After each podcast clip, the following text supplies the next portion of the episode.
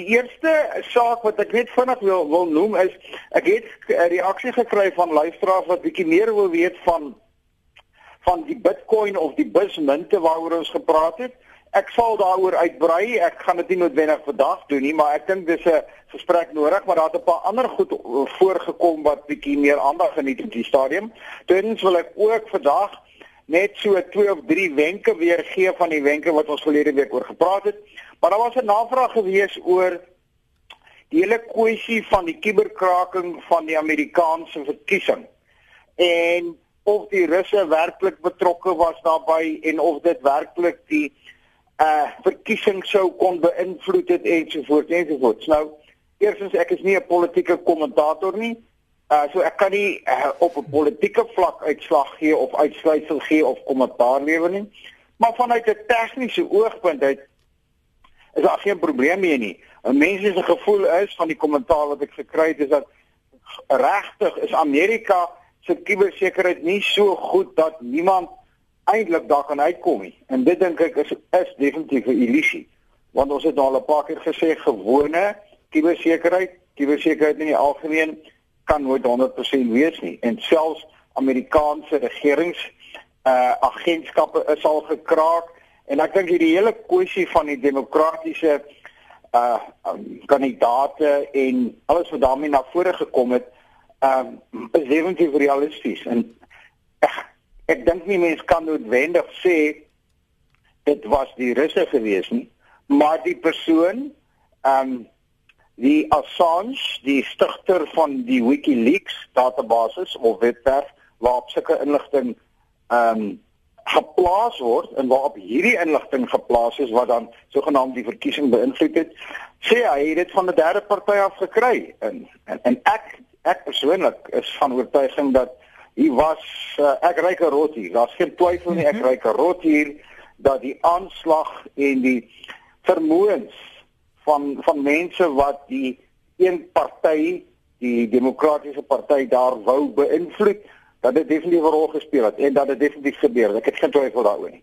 Interessant wat nou besig is om te gebeur, maar vir my is dit 'n baie baie groot rooi vlag van hoe kuberkraking groot nasionale en selfs internasionale geleenthede kan beïnvloed. Ja, en prof, iemand het gesê ek moet ook vir jou vra die Amerikaanse regering gaan nou probeer om Google te kry om van van hulle afdelings en goed heeltemal uit te laat dat as jy Google soek doen dan kan jy dit nie opspoor nie en hulle sê dit gaan dan help om om heel moontlik van hierdie goed stop te sit want as jy nie weet iets bestaan nie dan kan jy dit nie kuberkraak nie. Ja, dit is uh ek dink dis bietjie bietjie naïef om om daai standpunt te volg want jy moet onthou die ou wat jou wil kraak uh op hierdie vlak op nasionale vlak of selfs op groot maatskappy of mhm. korporatiewe vlak. As hy jou wil kraak, gaan hy weet waarna hy soek. Hy gaan nie Google nodig hê om te gaan soek en te sê maar ek wil graag die demokratiese party in Amerika kraak nie. Dit is 'n lang strategiese beplande ding. So dit mag miskien die klein klein kuberkrakertjie of die die die klein skaalse aanvalle beïnvloed, maar ek het nie veel hoop daaroop nie. En die hele kwessie en dit bring jou natuurlik dit wat jy die opmerking wat jy maak, bring mense by die hele kwessie dat daar is definitief neigings om soek engines of soek vermoëns um deur soek engines te beperk deur nasionale regerings wat nie wil hê mense moet sekere goed sien nie en wat nie wil hê hulle burgers moet sekere goed sien nie en wat nie wil hê mense moet kan kommentaar lewer oor dit wat in die land gebeur nie en daarom is sosiale netwerke en ook soek engines soos wat jy reg sê al meer en meer onderdruk en dit is een van die dinge wat ek nou nogal sou 'n voorstelling oor wou waak daar's 'n hele paar dinge wat wat ek nou nogal 'n voorstellings oor wil waak vir 2017 maar een daarvan is dat ek dink ons gaan groter uh ek wil nie sê inperkings kry nie, maar ons gaan groter druk kry op die internet deur nasionale regerings om uh die beleid van presies soek engines van sosiale netwerke ensovoorts te beïnvloed.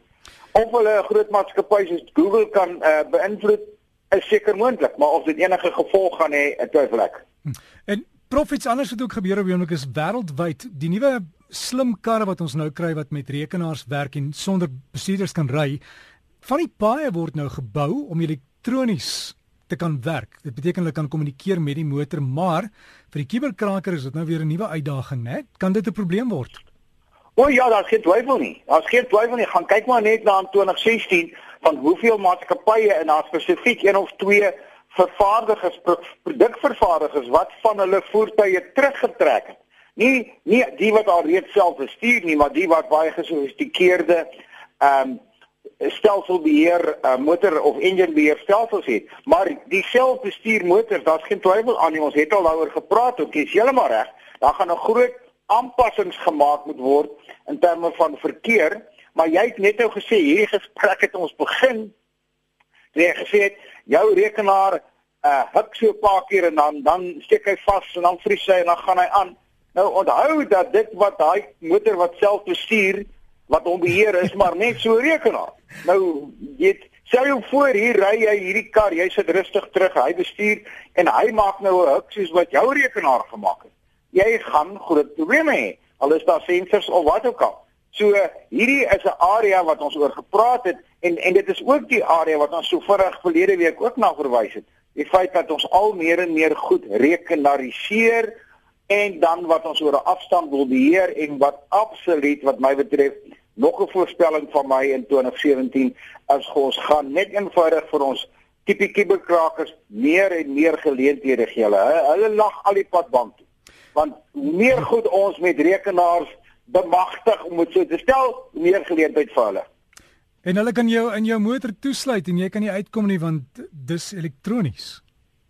O, daar's verskeie gevalle so, daar's ook verskeie gevalle waar jy uh in, in jou motor toegesluit is en jy kan nie uitkom jy is heeltemal reg maar veronderstel nou hierdie motor bestuur hom nou self en en dit is nie net dit is net 'n motors wat hulle self bestuur nie daar's talle gevalle van motors wat op die pad is op die oomblik wat deur die bestuurder bestuur word soos wat ek en jy dit nog elke dag doen maar wat tot 'n groot mate elektroniese ondersteuningsstelsels het. Jou remstelsel is onder is is rekenaar gesteun jou jou rigting of die die roete wat jy ry is rekenaar gesteun en daar is gevalle en jou remme byvoorbeeld en ons het ook daarna al verwys waar net eenvoudig deur 'n rekenaar huk soos jou rekenaar sê ek slaan jou remme vas en jy het geen beheer daaroor nie want die remme word deur die rekenaar beheer nou ry jy rustig op die snelweg en die rekenaar gee huk en jou remme slaan vas of skielik besluit hy maar die die stuurwiel moet nou links draai en hy draai die stuurwiel links dit is nie wetenskapsfiksie nie. Dis die goed waarmee ons gekonfronteer word en ek dink wat, wat ons regtig uh, moet begin dink. En nou dat help nie ek en jy dink daaroor en ons is bekommerd daaroor. Uh meer mense moet bekommer. Jy weet dit is vir my baie dieselfde dit as as hierdie klimaatsverwarming. Baie mense glo in klimaatsverwarming en en die en die uh, gasse goed wat vrygestel word. Baie mense sê nee wat, dit is dit is net 'n vorige 'n ou vrou storie, dit is nie waar nie. Want daar is nie 'n uh, absoluut swart en wit bewys daarvan. En dieselfde met hierdie kuber storie. Baie mense sê nee man, gebruik die voordele wat jy kry. Gaan so ver as moontlik, maak alles rekenaar en rekenaar beheer. Ander ouens en ek is miskien persoonlik aan daai kant sê wees versigtig wat jy doen. Dink wat jy doen dink aan die konsekwensies en die en die en die stroom afgevolge van wat besig is om te gebeur. Nou as hy prof, ek is seker jy daai ou motorkar van jou met die radio wat jy nog die draai knoppie sit en die vensters wat jy kan oopdraai veilig daar eenkant geberre net in geval, né? Wees verseker, jy weet soos wat nou in baie gevalle die ouens weer hulle hulle faksmasjiene wat baie van hulle toegesluit het, het hulle hierdie jaar op 'n stadium gaan uithaal om weer van punt tot punt in in die laaste opmerking hier is, né? hierdie nuwe aangewese president van Amerika. Hy het gesê rekenaars is die grootste probleem wat daar is. Hy het gesê ons gaan begin kommunikeer met koeriermaatskappye. Ons gaan weer ons dokumente met koeriermaatskappye begin stuur. Gaan lees dit, is daar. En hierdie hierdie die tema gaan ons uitrol in hierdie jaar om te sê is ons besig om terug te beweeg van elektrisiteit na kersse toe. Kom ons kyk wat gebeur. Maar prof, altyd lekker om met jou te gesels. Waar kan mense kontak maak? Laaste woord net vinnig. RSG basie by gmail.com. Enige navrae, kommentaar, enige idees wat wat die luisteraars het, vir onderwerpe of gesprekke vir die res van die jaar, laat weet my asseblief dat ons 'n bietjie kan 'n uh, bietjie strategie uitwerk. Prof alles van die beste en hier is klaar huiswerk. Iemand vra of jy kan praat. Die banke gaan nou begin die sekuriteitskodes aanwend wat hulle in die wêreldoorlog gebruik het, weet tussen die tussen Hitler en sy magte met die met die hoe sê hulle daai decryption om seker te wees alles is veilig. Maar ons sal ek sal vir jou aanstuur dan kan jy daarna kyk. Ek dink dis die tipe goed waar ons bietjie meer tegnies kan begin gesels. Mooi week vir jou verder, hoor. Selfde dankie prof.